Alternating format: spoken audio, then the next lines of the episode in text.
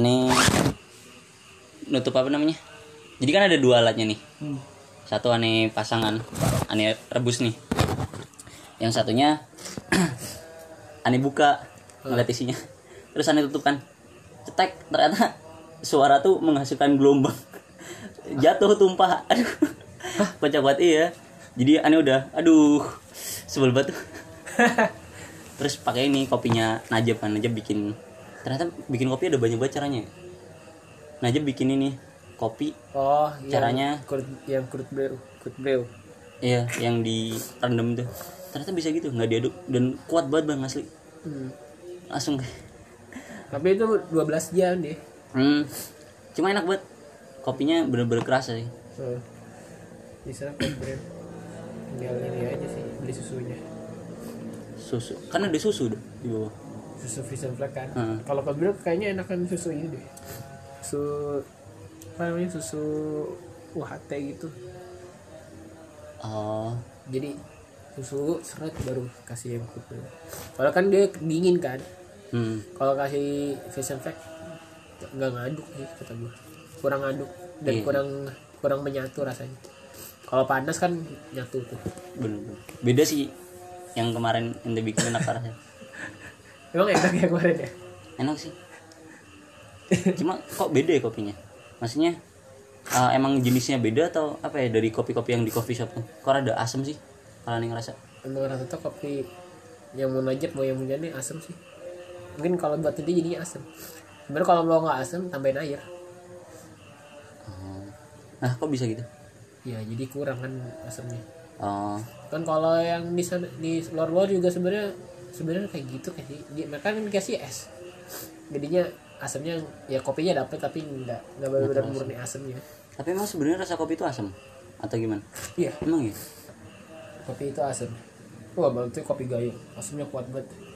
Kopi gayo. Aceh ya?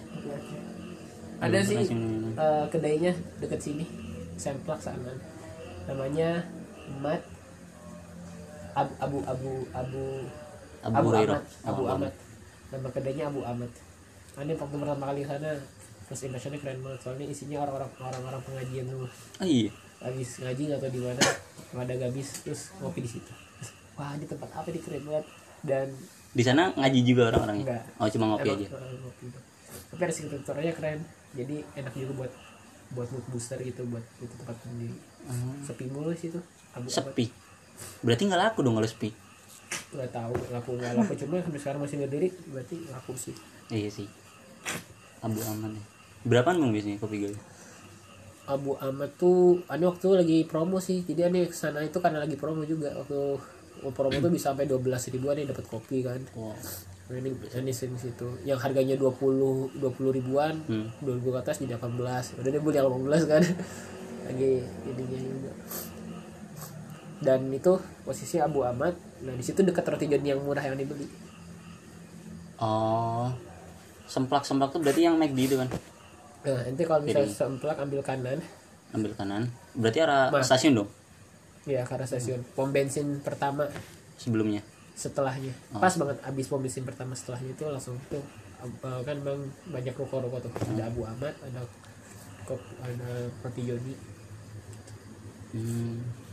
Kalian itu kemarin nyoba kopi ini yang semplak lurus sedikit di sebelah kirinya. Apa itu namanya? para Yasmin Ah, arah Yasmin. sebelah kiri Nah, oh itu apa ya namanya? itu bukannya tempat apa ya main ya fun fun food fun food gitu Bukan di belakang HN itu loh. Apa sih namanya? Lupa. Bentar. tapi situ udah daerah mahal itu Iya sih. tadi nggak cuma tempatnya. beda belok dong kayak kalau lurus tuh daerah Yasmin itu tuh mahal mahal tuh lo kalau ada belok yang kanan Hmm. walaupun masih ruko-ruko elit cuma Lebih murah. harganya masih lebih mending dibanding ke arah sana Oh iya. kayak roti john di sana lebih mahal dibanding yang di situ Oh, kok, kok gitu sih? Bang? nggak tahu ada juga ngerti Yasmin tuh kawasan elit apa? pasar elit iya. Makanya nih terus kalau dapat eh, akses wah roti john ini murah banget kayak beli rasanya kayak beli martabak kalau itu satu juni kan lumayan harganya harga martabak. 14 ribu. martabak apa nih? Martabak Telur atau- martabak kafe. Ya maksudnya ada yang martabak manis. Ada yang eh, ada yang pilihan lima belas ribu. Oh iya. Tapi ada belinya waktu itu belinya yang tiga lima. Hmm. bang udah apa udah menu menu apa menu andalan sih. Hmm. lagi ada duitnya. Jadi, iya itu namanya kopi saring bang. Tahu nggak nih? Kopi saring. Yang apa tempat yang aneh bilang lurus tuh. Oh, kopi saring. Ah, tahu kan? Belum belum. Belum belum. Di situ. cuma kecil sih. Aneh kemarin soalnya pesan yang panas kan. Ya kecil segelas yang dibeliin aja tuh Hmm, kopinya. Mahal tapi tempatnya? Tempatnya bagus sih luas. Luas, ya kursinya pakai kayu gitu loh. Elegan gitu lah. Hmm vintage. Hmm. jadi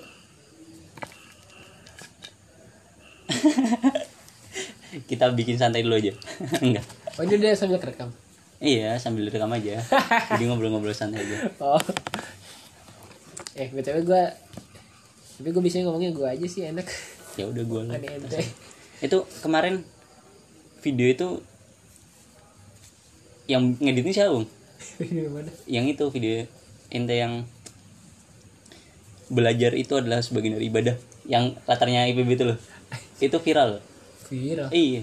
Masa? Nyebar di di grup BKIM terus pada nyetorin juga. Yang oh iya. Yang gue kirim ke grup Fikur terus dapat motivasi nih dari UTR oh nggak nih belum lihat yang cuma iya sih gundaannya juga ya. cuma dia nggak tahu kalau nyebar. Soalnya waktu itu si lu bikin buat binaan dong enggak tadinya yang minta sabi sih bang Sabi sabi Eh, ini kan oh berarti kebutuhan yang situ ya udah bikin saat. Terus kok disebar? Eh kampret kok lu sebar? Dibikin ini sih dibikin latar IPB itu loh. Iya pas latarnya IPB lagi. Eh, keren keren gokil. Ini kapan banget tuh bikin niat banget nih bikin buat binanya oh ternyata oh gitu enggak sih. enggak. Enggak awalnya awalnya apa ya, ya permintaan sih. Cuma mau tahu. Tapi bagus emang editnya. Iya sih. Itu lagi itu di gara-gara habis kajian tibian kan. Itu kan kalimat-kalimat dari atibian bersabarlah. Itu pas kajian tibianya siapa? Yang baca itu bilang si dalam udah, udah lama. Pokoknya lu bukan sih yang kata ngomong bersabar dalam kehinaan. Menuntut ilmu. Bukan bukan. Bukan ya? Gue lupa. Pokoknya ada yang ngomong kan gitu eh, barang siapa yang bersabar dalam eh, kehinaan untuk eh, belajar maka dia akan mendapatkan kemuliaan menjadi guru. Eh kemuliaan ketika mengajar. Itu, itu kalimatnya Hmm, itu nggak banget berarti. Uh, jadi gue langsung oh iya juga sih. Emang kita tuh kalau lagi belajar tuh memang pasti nggak enak. Pasti akan mengalami kehinaan-kehinaan dalam tanda kutip ya kayak rasa nggak nyaman ngerasa bego terus ngerasa salah mulu. Kadang-kadang guru kita ngeselin segala macam. Itu kan suatu hal yang sebenarnya ya kurang mulia lah. Terasanya jadinya kesannya enggak tapi di situlah ketika kita sabar setelahnya itu ya nanti akan jadi yang mulia gitu. Hmm. harga itu sih. Dan eh gue jadi kepikiran juga sih ini eh, di ten- nah ini kan lagi momentum banget nih. Dan gue agak gue bersyukur sih eh, apa namanya ya eh, yang sekarang nih tahun sekarang tuh kita cukup apa namanya proaktif dengan momentum-momentum gitu. Maksudnya di Villa Quran ini atau di PB di PB sih. Gua gua ngelihatnya secara umum kayaknya PB maksudnya kalau dulu tuh zaman gua apa ya pas eh pas gua tahun berarti tahun ketiga. Eh tahun kedua. Tahun kedua itu? Waktu jadi masih jadi staff di for eh di LPK berarti ya? eh di LDF di. LDF gua staff oh. Nah itu eh bahkan enggak sih tahun ketiga ya. Tahun ketiga berarti pas jadi Tiga. ketua oh iya, sekarang tuh, Persia. sekarang udah tahun lima ya? Karpet iya gua udah tua. Di tahun di tahun ketiga berarti. Pengen ngasih tahu dari awal nggak enak nih di tahun ketiga astagfirullahaladzim.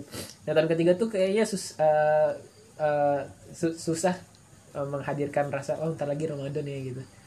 Tapi kalau sekarang eh, tiba-tiba lagi ngeliat story aja udah Hamin 98 udah ada yang reminder gitu. Udah ada yang peka gitu sama momen.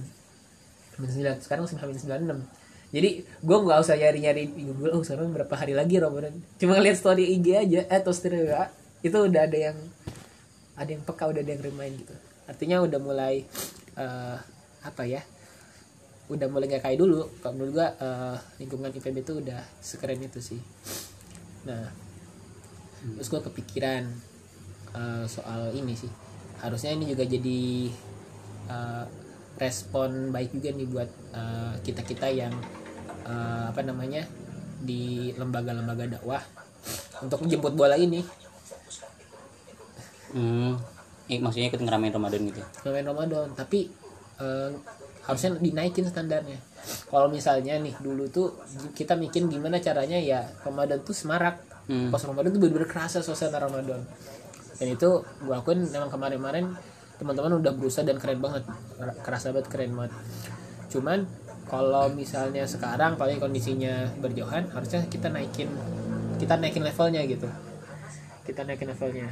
Kalau misal dulu semarakinnya pas Ramadan kenapa kita nggak mulai semarakinnya di pra Ramadannya gitu? Oke. Sebentar bang, sebelum sebelum ke situ mau nanya dulu sih sebenarnya. Hmm, jadi esensi ngeramein Ramadan itu apa sih sebenarnya? sih dari ngeramein Ramadan Kenapa kita harus ngeramein Ramadan? Oke, sebentar, coba lebih jauh. Jadi kemarin gua tuh dengar kajiannya Ustaz Salim ya, hmm. yang lagi ngomongin tentang eh apa namanya? Ini eh wali songo, wali songo. Nah, di situ ada apa ya istilahnya? Memaafkan, memaafkan. Benar. Coba cek. Ah, khudil afwa.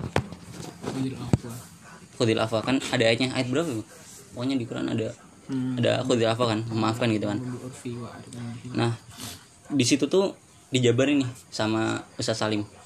Eh bahwasanya pokoknya wali songo tuh orang yang bener-bener paling menerapkan ayat ini dan dari ayat itu dijabarin ada lima poin.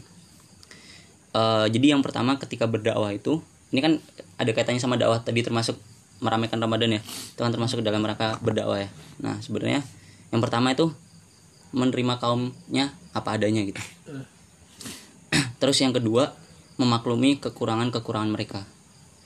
Terus yang ketiga, memaafkan kesalahan-kesalahan mereka. Keempat, jangan berbicara dengan apa yang mereka tidak mengerti. Kelima, jangan membebani mereka dengan apa yang mereka tidak sanggup. Itu kan kalau misalnya di buku Qaidul Dakwah kan berarti eh, berbicara kepada kamu dengan bahasa bahasanya kan hmm. dengan kapasitas mereka. Nah, terus gue mikir lagi nih, gue inget kan uh, ada cerita yang cukup populer tentang salah satu wali songo di Jogja, Sunan Kalijaga. Iya. Nah, beliau kan gini ya, eh, apa namanya, mengakulturasi budaya di sana dulu di Jogja kan ada budaya wayang kan. Nah, kemudian beliau bikin pentas wayang kan, yang ceritanya kemudian dikaitkan dengan Islam dan yang menarik salah satu syarat masuknya kan syahadat ya. Kalau mau nonton syahadat gitu. Iya. Nah, eh, itu satu poin. Terus keinget lagi ada poin eh, langsung flashback nih ke ketika Rasul berdakwah kan. yang dulu mungkin Bang Ate pernah bilang ke gua tentang ada tiga tiga hal itulah pembebasan apa membebaskan manusia dari itu eh, membebaskan manusia dari penghambaan ke sesama kepada kepenghabaan pada Allah kepada Allah. Kemudian yang kedua apa? yang ini dari sempitnya dunia menuju keluasan akhirat Ah, terus yang ketiga dari kezoliman. kezaliman agama menuju keadilan Eh kezoliman. Kok kezoliman agama sih? iya dari kezaliman kezaliman agama Oh, menuju keadilan keadilan Islam. Oke. Poin besarnya kan di tauhid ya. hmm. Poin utamanya kan di tauhid. Nah, jadi emang dari awal eh, Rasulullah ketika berdakwah tuh ya mentauhidkan Allah kan, iya ngajak orang-orang untuk masuk Islam gitu. Heeh. Entah bagaimanapun kondisinya, misal ada emang orang yang mungkin masih pengen minum khamar atau masih ada hal lain, eh, itu ya udah. Rasulullah bilangnya saya ingatan ya ada salah satu riwayat yang mengatakan pokoknya ada salah satu yang masih pengen tetap zina kan tapi disuruh ya udah masuk Islam dulu. Heeh. yang penting tetap jujur kan sama Rasul kemudian nanti dikasih pencerdasan dan lain sebagainya sampai akhirnya orang itu sadar. Tapi yang penting kan pertama masuk Islam dulu. Oke gitu ya. Nah sekarang gue coba balikin ke konteks di lembaga dakwah sendiri bang? Sebenarnya eh apa sih esensi atau tujuan utama kita di lembaga dakwah ini? Dakwahnya itu sebenarnya apa sih yang mau kita tuju gitu? Karena yang gue rasa keresahan yang gue dapat mungkin salah satu penyebab orang-orang nggak bertahan di eh, lembaga dakwah atau mungkin banyak yang berguguran atau mungkin eh, sedikit lah makin dikit gebrakan-gebrakannya adalah mereka nggak tahu kita nggak tahu esensinya nih maksudnya kita bikin proker tapi sebenarnya apa sih maksud tujuannya? Kayak yang gue takutin tuh gini ketika kita bikin semarak ramadan tadi. Tujuan utamanya ya udah kita bikin ramein aja semarak ramadan. Kita bikin hype kita bikin konten-konten yang keren. Atau misalnya kita bikin kemarin yang eh, tahun lalu itu IBF IPB Book- eh, Islamic Book Fair gitu kan. Yaudah kita bikin-bikin aja tanpa tahu esensi dan lain sebagainya nah jadi pertanyaannya balik lagi sebenarnya apa sih yang mau kita hadirkan di lembaga dakwah itu sampai dan kalau karena kalau misalnya cuma proker aja apa bedanya kenapa harus namanya lembaga dakwah apa bedanya kita sama bem apa bedanya kita sama orma-orma lain kayak gitu sih bang. Iya sih. Jadi eh dakwah ya. Karena kita eh, me- apa apa ya? Karena lembaga kita itu eh, dilekati oleh satu nama atau satu eh, namanya dilekati oleh satu kata itu dakwah. Itu yang udah paling membuat beda banget sih. Karena nanti di situ udah masuk semua value-value kebaikan yang sifatnya itu universal yang sifatnya itu rahmatan lil alamin yang sifatnya itu kebaikan untuk satu alam semesta sebenarnya eh, kalau misalnya konteksnya nanti misalnya untuk ke apa namanya ke mahasiswa Hmm. em,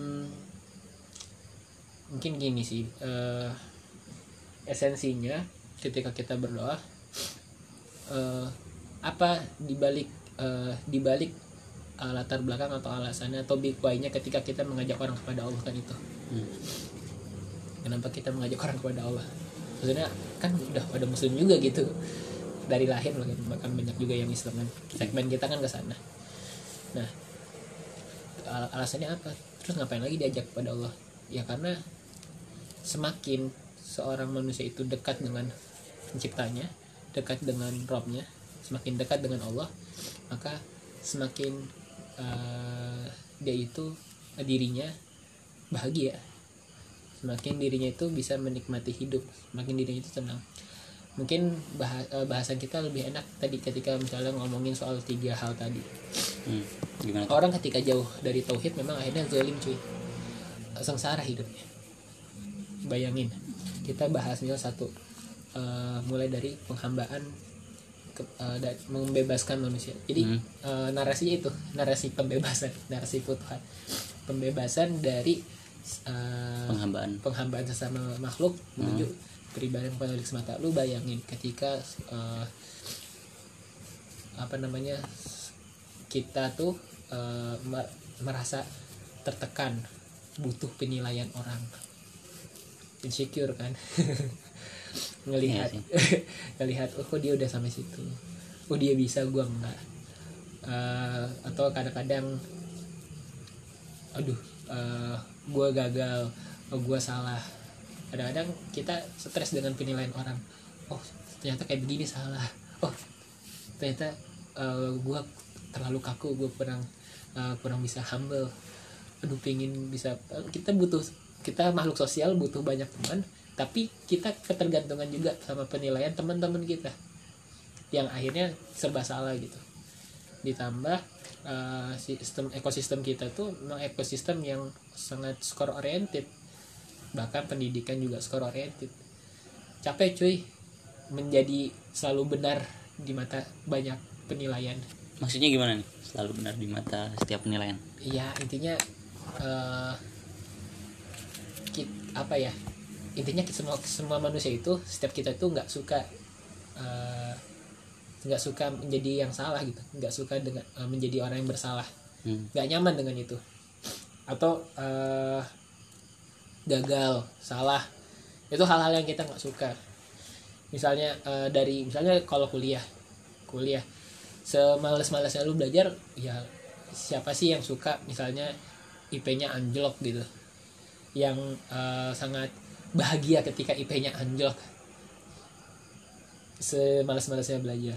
Dan atau simpelnya gini semalas-malasnya belajar bukankah kita senang ketika kita malas belajar nilai kita tetap bagus? Untuk hancurin pendapatnya ya kan ya? Iya. intinya kita ketergantungan dengan banyak nilai. Nilai yang sifatnya tadi skor ya. Ah, dari ekosistem kita bahkan dari eh, penilaian banyak orang. Dan itu capek. Iya sih. Dan itu capek cuy.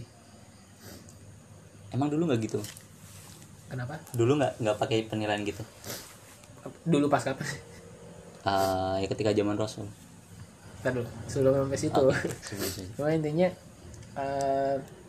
gue pengen dapat ininya sih eh, sensasinya.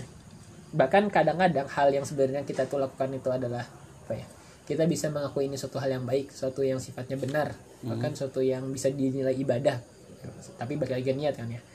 Itu bisa jadi juga eh, kita eh, tanpa sadar eh, jatuh pada orientasi nilai tadi skor tadi skor oriented tadi. Misalnya nih kan kita di pilah Quran gue gak bawa ya bawa pilah Quran misalnya kadang-kadang kita kalau nggak setoran itu aduh banget. Jatuhnya formalitas gitu ya? jatuhnya formalitas kan? Eh. kenapa akhirnya kita bikin ah pokoknya gue harus setoran dulu deh biar eh, yang penting lega dulu yang kan ya. penting udah udah setoran.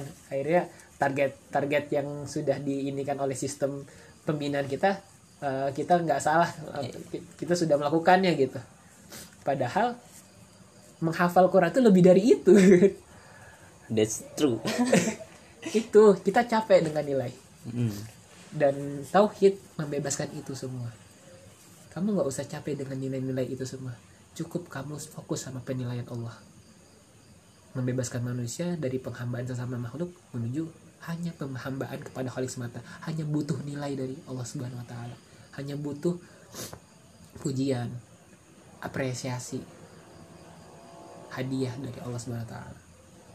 Sehingga kalau udah kayak begitu mau orang bilang apa aja bodo amat. Yang penting yang penting Allah suka. Yang penting menurut Allah ini benar. Dan insya Allah apa-apa yang Allah suka apa-apa yang Allah benar itu pasti sifatnya rahmatan lil alamin untuk banyak hal.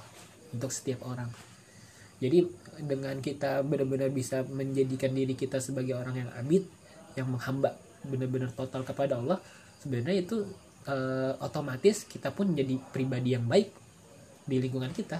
Nggak mungkin seorang yang bisa menghadirkan dirinya menjadi hamba total itu ternyata eh, nyontek. Susah ngerugiin orang. Ternyata korupsi itu susah tuh. Kayaknya nggak bisa nggak nyambung. Nah value value itu kan. Itu baru ngomong ini satu tuh. Hmm. betapa tauhid ini menyelamatkan manusia.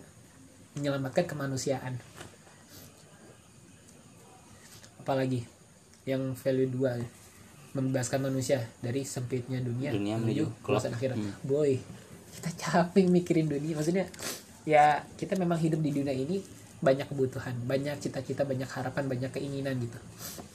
Cuma kalau ngikutin itu nggak ada habisnya kan gitu itu kayak udah kayak udah mainstream banget kita bahas eh, bahwa bumi ini tidak eh, bumi ini cukup untuk memenuhi kebutuhan setiap manusia tapi tidak bis tidak cukup untuk memenuhi satu keinginan atau satu eh, hawa nafsu seorang manusia Hmm. ya saking karena capek memang nggak ada habisnya kalau kita eh, menuntut apa yang kita inginkan atau eh, dunia ini nggak akan cukup. Dan justru karena nggak cukup itu ketika ngejar dunia capek banget.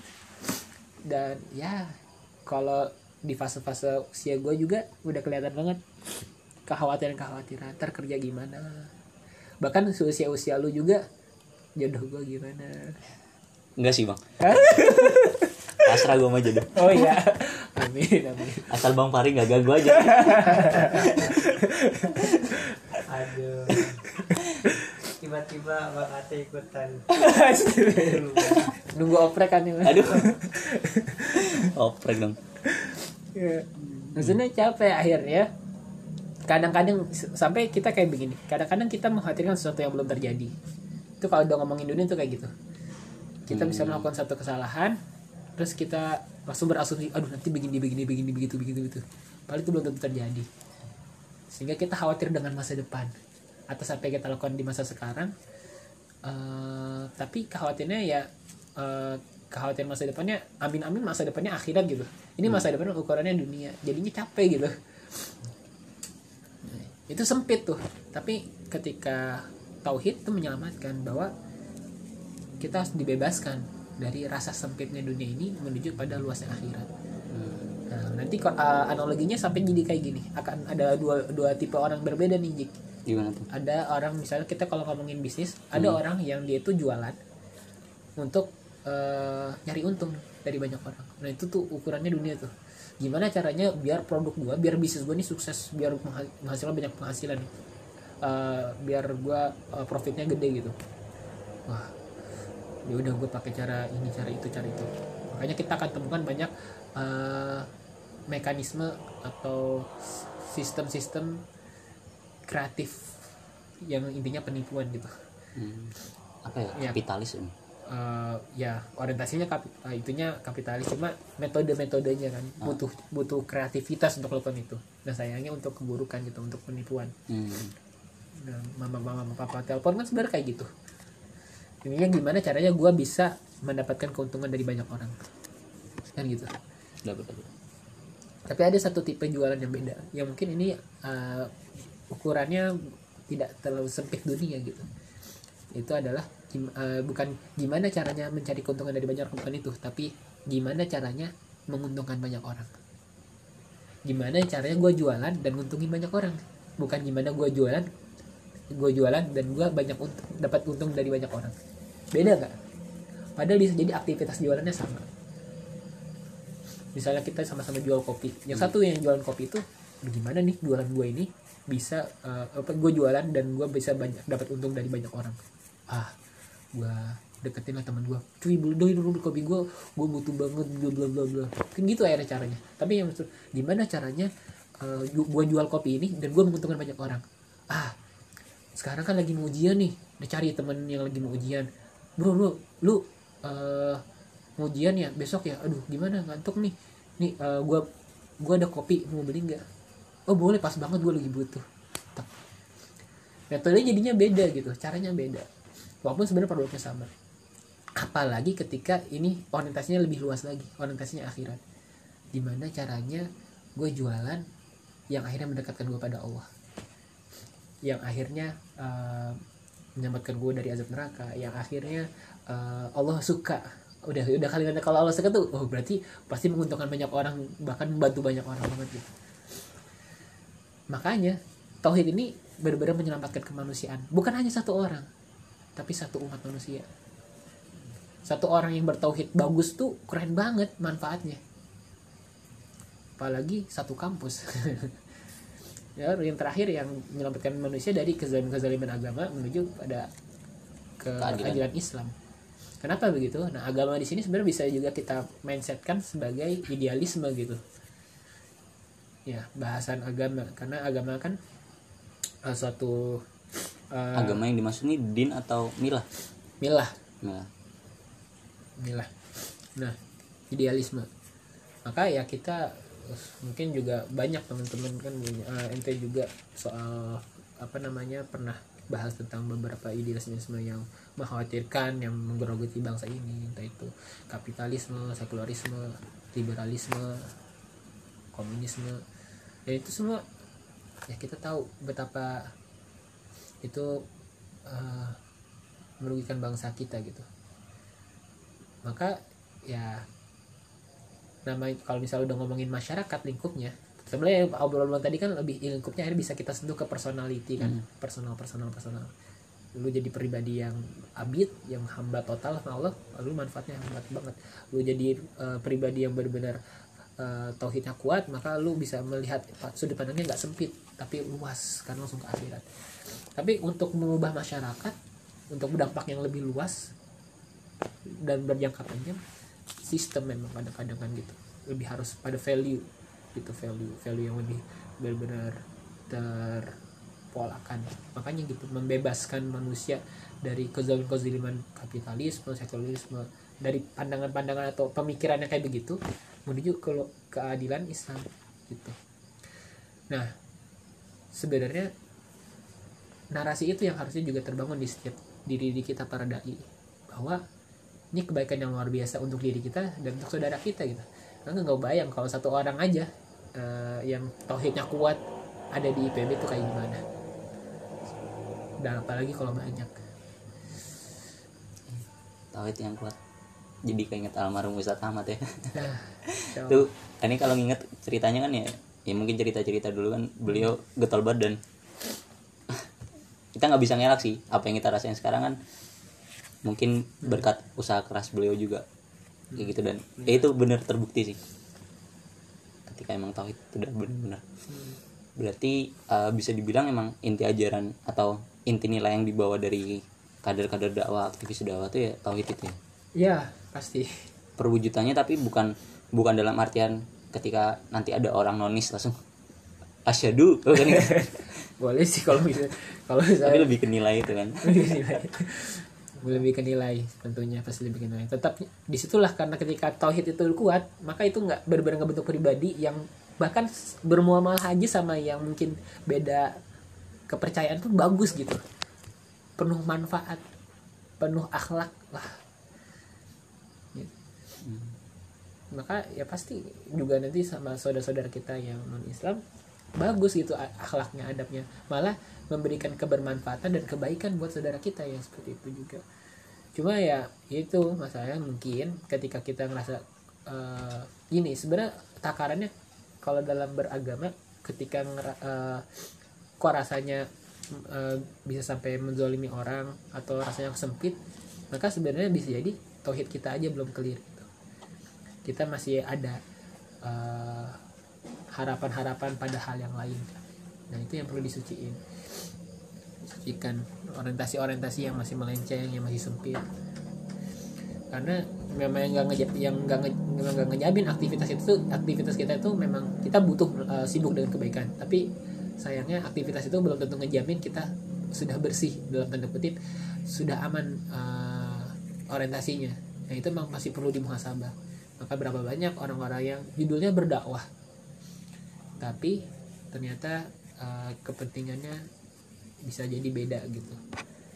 Sehingga bisa kelihatan aduh kecewa kenapa? Gue udah melakukan ini tapi nggak diapresiasi cuy. Cuy kalau lu berdakwah lu nggak butuh apresiasi orang. Bisa gitu cuy. Biasanya kita bisa men- memuhasabah itu semua. Dan apalagi gua pribadi juga banyak banget masih bele belenya di situlah kita saling muhasabah. Cuma intinya poinnya tauhid itu memang membebaskan manusia. Mewujudkan kemanusiaan yang benar kemanusiaan. Yang adil dan beradab gitu. Yang sejahtera nikmat. Itu. Hmm, iya sih. Tapi yang tadi, iya bener. Yang tadi nilai yang dibawa itu dampaknya kalau emang bener-bener terlaksana pasti luar biasa banget. Hmm. Nah tapi kadang eh, yang gue masih bingung, gue pribadi kadang masih bingung sih. eh pengimplementasinya gimana ya bang kira-kira? Hmm. Dalam ya dalam bentuk kita sebagai ya di lembaga dakwah ini kalau misalnya bicara tentang nilai, ya itu insya Allah udah clear tuh Hmm. mantep banget cuma untuk ya turun dalam bentuk berbagai program atau aktivitas yang mungkin dilaksanain sama BKIM atau lembaga dakwah lain gimana tuh Bang? karena kadang kan ya gimana ya bingung sih untuk mengaplikasikannya itu gimana sih Hmm. Nah, maka eh, kita peran kita ya, eh, alhamdulillahnya obrolan tentang dakwah itu bukan obrolan yang sifatnya eh, spesifik spesifik secara teknis gitu. Maksudnya dakwah itu luas. Bahkan sampai kalimatnya nahnu duat qabla kulli syai. Kita adalah dai sebelum apa pun. Seolah-olah apa pun yang kita kerjakan tuh bisa jadi sarana dakwah gitu. Nah, si, eh, akhirnya eh, memang untuk menjadi dai nggak harus eh, lu eh, ceramah seperti khutbah Jumat kan kayak gitu. Hmm. Banyak saran atau metode-metode eh, yang bisa kita lakukan. Tinggal balik lagi poinnya. Dakwah itu ilallah adalah bagaimana kita mengajak orang semakin dekat sama Allah. Kan gitu. Poin tau- tauhid itu kayak begitu. Nah, implementasinya kalau di IPB itu gimana kalau di IPB karena memang meskipun ya mayoritas muslim ya mayoritas muslim tapi latar belakangnya beragam ya latar belakang beragam maka eh, cara eh, yang mungkin eh, bisa kita terapin untuk gimana ya kita ngajak saudara kita agar dekat sama Allah ya dimulai dari ta'aruf dulu kenalan dulu. Kenalan sama? Ma'rifatillah mengenal Allah. Karena bagaimana kita bisa cinta kalau kenal aja belum? Gitu. Ya susah mungkin meski eh, kita menghadirkan rasa tauhid yang kuat itu yang benar-benar cinta sebegitunya sama Rob kita sebegitu bergantungnya sama Rob kita. Kalau kita ternyata masih masih meragu dengannya karena kita belum terlalu mengenalnya. Nah itu memang yang paling tahap awal sih. Karena kita pukul rata kan. Kalau Hmm. misalnya kita kalau misal lingkaran kita circle kita mungkin ya bisa sambil jalan. Wah udah mulai mengenal juga. Cuma kalau misalnya kita lihat secara umum secara awam di IPB ya dengan beragamkan uh, belajar latar belakang tadi kan latar belakang pendidikan. Ya udah kita mulai dari yuk ajak kenal mengenal Allah dulu. Nah mengenal Allah ya dengan syiar-syiarnya yang ada. Salah satunya Ramadan salah satunya Al-Quran banyak dan banyak hal. Cuma akhirnya balik lagi bagaimana akhirnya membentuk atau mengajak diri-diri itu uh, jadi dekat sama Allah jadi mengingat sama Allah jadi bergantung sama Allah. Karena harapannya akhirnya terbebaskan itu dari semua ketidaknyamanan dunia. Karena memang dunia itu sehina itu cuy. Maka kita butuh yang mulia. Dan benar-benar mulianya maha mulia untuk terasa terbebas dari kehinaan itu. Sehina itu. Nggak lebih dari sebelumnya sayap nyamuk iya cuy. Iya. dapat sih bang poinnya amat tepat berarti jelas ya eh untuk ketauhid kan eh ma'rifatullah tadi kan. Hmm. Berarti secara eh, kalau gue bilang simpelnya gini gimana? Dalam setiap program yang mungkin kita hadirkan lembaga dakwah apa pun itu Hmm. poin utamanya harus mendekatkan diri ke Allah. Bisa nggak kayak gitu? Ya pasti ke arah sana semuanya. Pasti ke arah sana. Nggak mungkin ngejauhin diri pada Allah kan?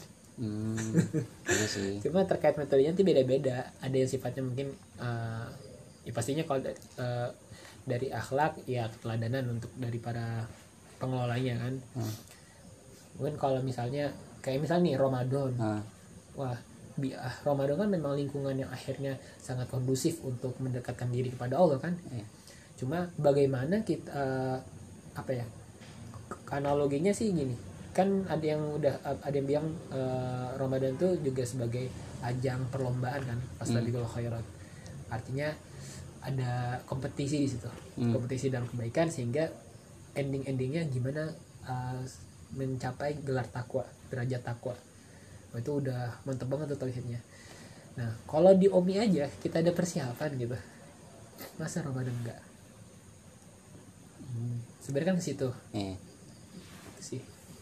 Dan, dan banyak hal. Jadi eh, intinya pasti arahnya ke situ kita mendekatkan diri kepada Allah. Cuma enak kita eh, lihat siar-siar yang ada Eh, sarana-sarana siar yang ada momen-momennya Iya, berarti kan itu balik ke pembawaan. Cuma poin utamanya tadi benar kan Hmm. untuk mendekatkan diri ke Allah dan itu adalah poin penting yang membedakan kita dengan orma-orma lain atau Iya. lembaga-lembaga lain kan. Hmm. Karena mungkin ya tadi yang sempat disebutkan OMI.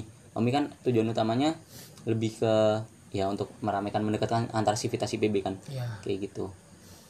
Dan lain sebagainya lah. Hmm. Oke, berarti udah dapat nih. Alhamdulillah dapat poinnya. Eh, emang ini dalam setiap program ya itu dulu yang ditarget ya. Berarti di- harus ditanya dong setiap program yang mungkin dihadirkan apakah ingin mendekatkan diri ke Allah atau enggak. Iya. Kayak gitu berarti. ya. boleh Oke, terus mantap. Berarti sekarang kita balik ke yang awal tadi tentang Ramadan.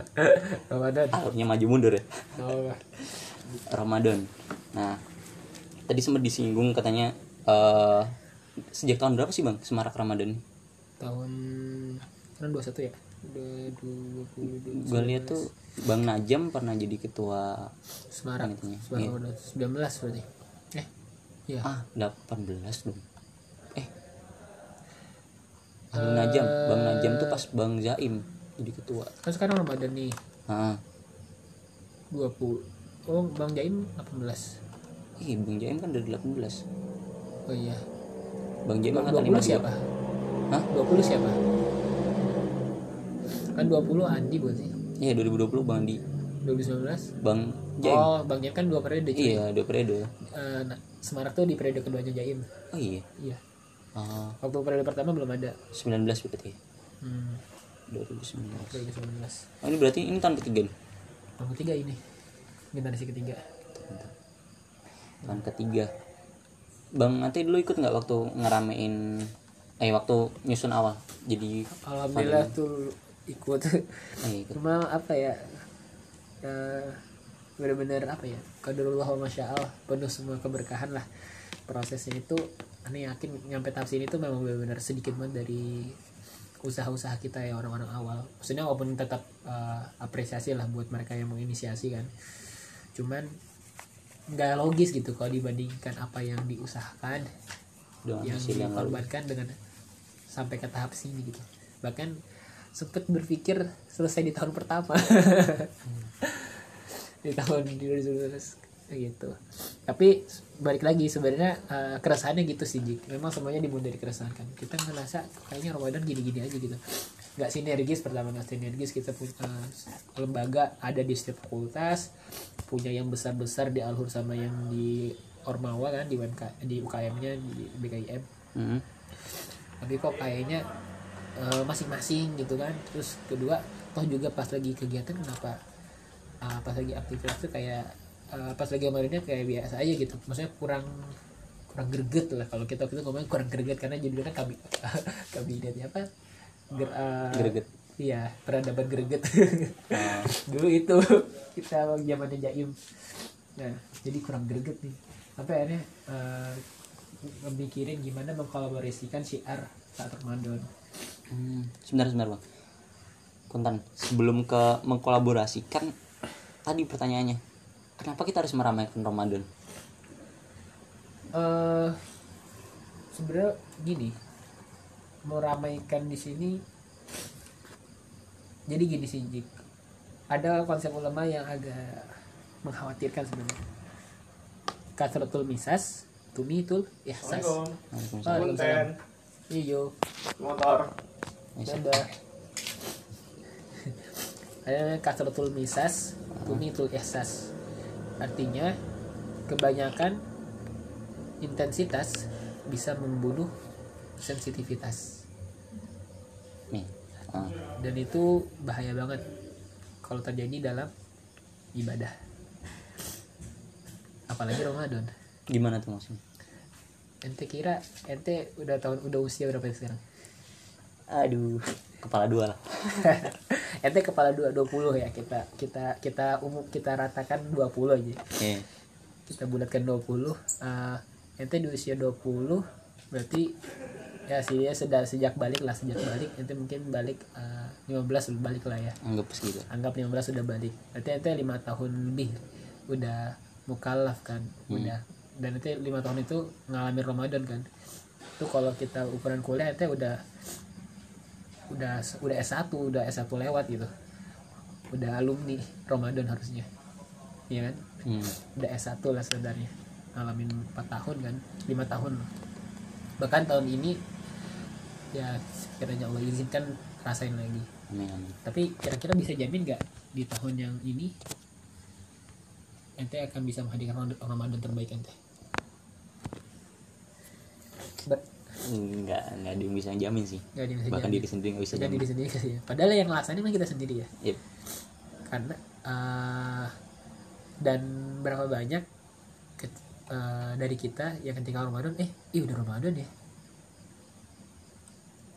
Hmm. tiba-tiba udah Ramadan nggak kerasa dan ketika itu kok kayaknya biar sama aja bulan ini sama bulan-bulan biasanya gitu waktu pas Ramadan mungkin di beberapa pernah ngalamin mungkin ada yang pernah ngalamin di bulan-bulan tertentu. Gitu. Padahal di situ bulan yang berbeda dibandingkan bulan lain. Di situ kelebihannya keutamaannya lebih berbeda lebih luar biasa dibandingkan bulan lain. Tapi kok secara rasa bisa sama gitu? Karena tadi Nauzubillah kalau itu terjadi pada bulan Ramadan. Karena kita sering intensitasnya setiap tahun ketemu Ramadan eh di Ramadan ini sensitivitas Ramadan itu mati terbunuh. Nah, artinya kenapa penting untuk menyemarakan Ramadan? Ya karena bagaimana kita bisa deket sama Allah sedangkan momen yang paling kondusif untuk dekat sama Allah aja kita nggak dapet rasanya. Sensitivitasnya udah hilang hambar gitu. Artinya butuh dikenalin lagi gitu. Di dikenalin lagi di eh, disiapin lagi. Ya tadi analoginya juga karena ini bukan sembarang bulan ini memang satu bulan full untuk kompetisi dapat gelar takwa artinya butuh dipersiapin. Nggak bisa sembarang orang bisa sampai ke tahap gelar takwa. Berarti artinya karena kompetisi ada yang kalah dong. Ada yang gagal dong. Hmm. dan jangan sampai itu adalah kita. Jangan sampai itu adalah saudara-saudara kita sivitas IPB kan gitu. Ya artinya sepenting itu. Nah analoginya kalau Omi aja disiapin ada persiapannya masa kita nggak ada ini di IPB buat saudara-saudara kita sama muslim untuk nyiapin diri dirinya buat Ramadan? Semaraknya di situ. Hmm. semaraknya di situ. Gitu sih Jik. berarti emang ya bisa dibilang ya setuju sih tadi ketika mungkin ada event-event besar ya. Nah ya contoh OMI MPKMB dan lain sebagainya itu panitianya mempersiapkan sebegitu luar biasanya enam bulan cuy ah apalagi ini udah berapa bulan Ah. lagi ini udah oh, 90 hari lagi 90 berapa ah, ya. Astagfirullahaladzim Iya, apalagi ini eh, bulan yang dalamnya dilipat gandakan segala pahala dan ada malam seribu bulan di sana kan. Yuh, betul betul sekali aja. Ya Allah. Oh, sembilan PKMB Iya. sampai rekor muri 6 bulan. Itu pun masih merasa banyak evaluasinya gitu kan ya. Iya. Ini 90 hari lagi. Mau Eh. rekor, rekor apa nih? Tahun depan harus enam bulan nih persiapannya. Yang ngeramein. Setahun kalau bisa. Kritik ngapain udah ya Zik Aduh. Jangan bang. Eh, terus terus dari keresahan itu kan mm, baru mulai mengkolaborasikannya Iya. dengan melihat kita punya potensi ada lembaga alhur ada lembaga dakwah fakultas ada bahkan yang pusat BKIM dulu LDK sih Iya. baru dikolaborasikan Hmm. kayak gitu Cuman apa ya? Kita ngerasa eh, teman-teman harus harus lebih akselerasi maksudnya ada tahapan-tahapan yang dulu kita memang lewati yang seharusnya tahun ini eh, tidak perlu lama di tahapan itu gitu. Apa tuh? Menyatukan keresahan tuh lama cuy. Saling memahamkan. Kenapa ini penting gitu. Uh ngomongin itu sampai hamin sepekan Ramadan. Oh iya dulu gitu. Sampai se- selama itu gitu untuk menyatukan satu gerakan kolaborasi. Karena memang eh, ya memang konsekuensi berjamaah itu kayak begitu kan ya. Hmm. Ya tapi kita berharap berkahnya kan. Cuma konsekuensi ketika bergerak secara bersama memang bisa jadi lebih lambat karena banyak sekali pikiran-pikiran yang perlu disamakan. Banyak sekali hati-hati yang perlu di eh, toleransikan gitu kan. Dibanding geraknya sendiri dan gerak sendiri tapi bu- tidak sekuat yang bersama. Nah akhirnya kita lambat di situ. Yang seharusnya udah generasi ketiga itu udah clear harusnya. Harusnya bisa lebih cepat harusnya lebih pada evaluasi apa sih teknis-teknis yang kemarin udah salah yang harusnya bisa dioptimalkan seperti apa solusi alternatifnya seperti apa. Nah dan dua jadi gini kalau kondisinya tahun aneh tahun biasanya embrio kan embrio. Itu benar-benar menyamakan keresahan yang akhirnya setidaknya ada kesepakatan dan ayo gerak bareng dan akhirnya ada eh, gerakan yang sifatnya bersama itu udah suatu yang kita syukuri saat itu. Eh, terlepas eh, gerakannya apakah seberdampak apa itu eh, ya namanya juga awal kan ya. Cuma karena sudah bisa bergerak bersama itu udah suatu eh, prestasi pada saat itu. Udah bisa berhasil bergerak bersama. Nah di tahun kedua itu harapannya bisa berdampaknya beda lagi. Benar-benar eh, lebih impactful gitu. Nah qadarullah masya'al welcome to the covid. Gitu. Jadi ketika lagi proses-proses persiapan itu ya kan Ramadan kita covid kan? Orang Januari udah mulai mulai isu- isu-isunya. Maret itu yang inget banget Maret Indonesia masuk eh, datang kan covid. Marhaban nah. Marhabannya covid. Nah dan itu akhirnya kita Ramadan April Juni Juni April kena terdampak. Jadi apa yang tadinya mau dimatangkan tadi mau lebih fokus bagaimana kita bisa memberikan dampak yang lebih impactful kagok tetap waduh jadinya new normal. Nah Semarak Ramadan baru tahun pertama harus mengalami ini normal Semarak Ramadan gitu. Nah, itu luar biasa dan alhamdulillahnya kalau masya Allah teman-teman juga sangat kreatif dan sangat adaptif ya akhirnya eh, sepakat ya udah benar-benar semarak Ramadan lebih pada media ini akuin eh, semua- kelihatan kalau kita ngukur secara media itu benar-benar Naik signifikan sekali followersnya ya. Itu versi yang aneh tahu infonya di dua. Cuman memang karena kita masih eh, di itu di fase-fase awal covid sehingga memang adaptasinya sekedarnya kayak begitu. Hmm. kayaknya lebih pada rebranding Ramadan. Tapi sebenarnya kalau bicara soal nge-rebranding Ramadan Ramadan itu bukan sesuatu yang perlu di rebranding karena Ramadan pasti terbranding tanpa harus kita rebranding. Maksudnya gimana itu tujuan rebranding apa? Di branding biar pada kenal dong. Nggak cuma itu. Apa tuh? Kalau misalnya kita rebranding suatu kegiatan agar orang ikut atau masuk ke kegiatan itu kan Oh, datang kan. Hmm. tanpa perlu di rebranding kita akan masuk ke Ramadan cuy. Oh I see, I see. Yeah. yang Ramadan itu nggak perlu di rebranding. Yang perlu dipahamkan yang perlu diajak itu adalah bagaimana kamu eh, sholat lima waktu lebih bagus ya pas Ramadan. Oh kamu ngaji ya oh kamu eh, puasanya jangan bolong ya pas Ramadan. Itu yang perlu ditotalkan di situ gitu. Nah dan waktu itu eh, kurang optimal di situ. Nah dan untuk ke tahap itu memang perlu ada namanya treatmentnya edukasi gitu. Edukasi. Oh ternyata di Ramadan tuh eh, apa ya ini yang jangannya ini yang harus dioptimalkan. Oh karena Ramadan bisa spesial itu harusnya ini yang udah saya persiapan sebelumnya. Itu perlu treatment treatment edukasi. Nah yang pada saat itu Hmm. itu nggak kepikiran caranya gimana solusi alternatifnya pas lagi ini normal itu tahap-tahap awal. Ya, karena kaget tadi. Kaget. Nah lalu apa kabar di tahun ketiga? Hmm, lanjut lanjut tahun ketiga. Gimana nih tahun ketiga Jiki tiga oh ini nih berarti Jiki eh, bentar bentar. Tadi scroll scroll tuh ngeliat ini ketua pelaksana semarak ramadan 1440 ini yang pertama ya berarti? Najam iya. Oh bang Najam yang pertama. Oke oke dapat dapat gitu. Itu yang masih kurang berarti ya? Eh berarti bang. Tentang apa namanya? Eh bentar poin di per, eh, yang ini kan di tahun pertama tadi ngeramein ya poin pertamanya poin utamanya. Ngeramein di yang kedua. Sebenarnya apa sih yang dinamain kan gitu? Iya, Ramadan. Hmm, eh, ngeramein Ramadan itu dengan cara apa? Maksudnya biar kita soalnya beda emang euforia meramaikan misalnya meramaikan EPKB hmm. marakin PKB sama marakin Ramadan tuh maksudnya apa apa yang beda sebenarnya ini sepakat sih dapat poin ente. Maksudnya apakah sekedar wah Ramadan ya gitu.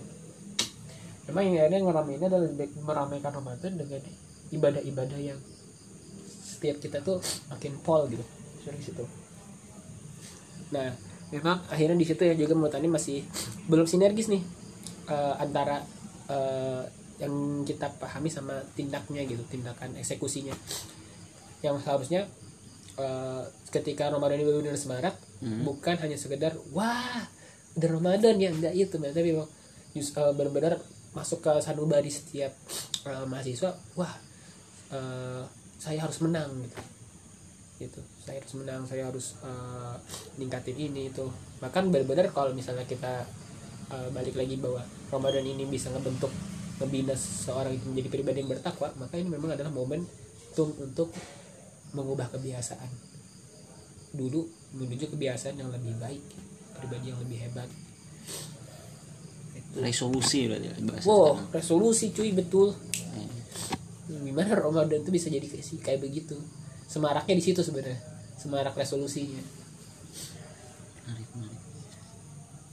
gimana kita menghadirkan resolusi dalam ya sih kadang setuju setuju yang tadi eh, tentang meramaikan ya kadang dari gue sendiri kadang ketika Ramadan ya itu jatuhnya apa ya kayak oke bentar lagi Ramadan. Seneng gitu seneng. Cuma dalam impl- implementasi di hari harinya eh ya mungkin di awal awal semangat lah ya. Hmm. kelihatan lah di terawih gitu. Tiap hari kan tambah maju softnya. Ya tambah hilang semakin di depan ya. Semakin di depan. Semakin di depan. Ah. Kadang yang kurang tuh sebenarnya apa ya bro apa sih yang kurang ilmunya kali.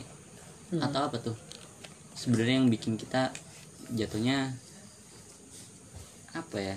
Jadi kayak nggak maksimal di Ramadan. Sepakat ya ilmunya. Karena ilmu itu sebelum amal cuy. Ilmu sebelum- ketika memang resolusi dari semarak Ramadan itu semarakin amalnya Hmm. itu nggak akan nggak akan muncul tanpa ilmu. Dan ilmu itu masa baru dikasihnya pas Ramadan. Amalnya pas kapan? Pas setelah Ramadan ya nggak gitu dong sayang dong. Iya sih. Sebelumnya dong. Dapat dapat. Oh makanya kemarin sempat ngusulin dia. Hmm. itu apa istilahnya? Short sekolah pra- sekolah pra Ramadan. Sekolah pra Ramadan. Hmm. pranikah aja itu masa nggak ada pra Ramadan. Oh. Tapi emang berat nikah sih bang. Iya nggak bang Fahri? Berat nikah ya daripada Ramadan ya berat nikah tapi kan habis Ramadan ada syawalan. Oh. Aduh bang skripsi dulu bang. Aduh ngomong kasar nih Jikri. Kok jadi kasar. Hmm berarti itu yang harapannya ada di tahun ini ya? Harusnya, iya. mempersiapkan. Mm-mm. kan 2022 apa tuh bang iya. Jadi ada nah karena gini juga alhamdulillah ketika kita ngomongin adaptasi adaptasi kan tadi masalah yang tahun dia tuh adaptasinya kan? Hmm. nah kita nih sekarang sudah setahun mengalami adaptasi covid ini gitu. Dan aneh memang merasakan uh, banyak hal-hal baru yang berkembang. Salah satunya uh, pembinaan pun bisa kita jalankan online webinar dan segala macam. Sehingga apa-apa yang uh, dulu lebih logis dijalankan ketika offline on offline ternyata sekarang udah bisa logis dijalankan secara online. Dulu tuh nggak ada dulu tuh banyak yang menghujat ah nggak mungkin bisa nih oleh online. Sekarang Eh, kajian online aja udah udah bisa nangis kita gitu sebenarnya. Nah dan alhamdulillah ini ngeliat juga beberapa inovasi-inovasi zaman sekarang tuh ada namanya short course. Bau menjamur cuy short course short course online. Bener bener bener banget. Banyak banget. Dan gua akuin itu malah jadi lebih apa ya, itu jadi gebrakan baru sih untuk pembinaan Islam yang lebih komprehensif dan berkelanjutan. Jadi kayak bahkan mungkin ketika udah kondisinya normal lagi itu akan tetap jalannya online. Kemungkinan gitu menurut gua. Bisa jadi. Pun kalau misalnya ada yang sifatnya offline ya lebih pada eh, temu ramah aja gitu. Karena memang akhirnya itu bisa jadi metode yang lebih kondusif. Gue kepikiran akhirnya shortcut pun juga bisa kita terapin untuk sekolah pra Ramadan. Dan gimana diagendakan eh, berapa hari bahkan kalau bisa dua bulan lebih gitu untuk kegiatan short course buat teman-teman yang mau mempersiapkan Ramadannya. Mau di situ dibina. Dari segi apa aja tuh dibinanya? Eh, bayangan gue sih kemarin sempat nulis di sini ya Hmm, ya. Nah, jadi bayangan gua eh nah ini bulan dewan ya, ini ngomongin teknis soalnya. jadi gini. Short course Ramadan ini fokusnya adalah bagaimana menjadi wadah untuk eh, mempersiapkan diri-diri eh, masih mahasiswa ya untuk eh, mempersiapkan dirinya. Pas Ramadan itu memang udah siap lebih melaju kencang. Artinya apa aja yang perlu disiapin? Eh, banyak salah satunya tentang terkait eh, apa ya? Kalau bahasa ini tes gitu nafas sih gitu. Penyucian jiwa. Karena susah juga sih kita eh, pas beramal itu pol tapi ternyata uh, kita lu kebayang gak sih ketika lagi uh, padat padatnya dengan hidup yang begitu gitu? Terus tiba-tiba tiba-tiba masuk Ramadan gitu. Wah masuk Ramadan. Oh berarti gue harus lebih baik lagi gitu. Mungkin vibe-nya dapat cuma transisi itu susah cuy. Sedangkan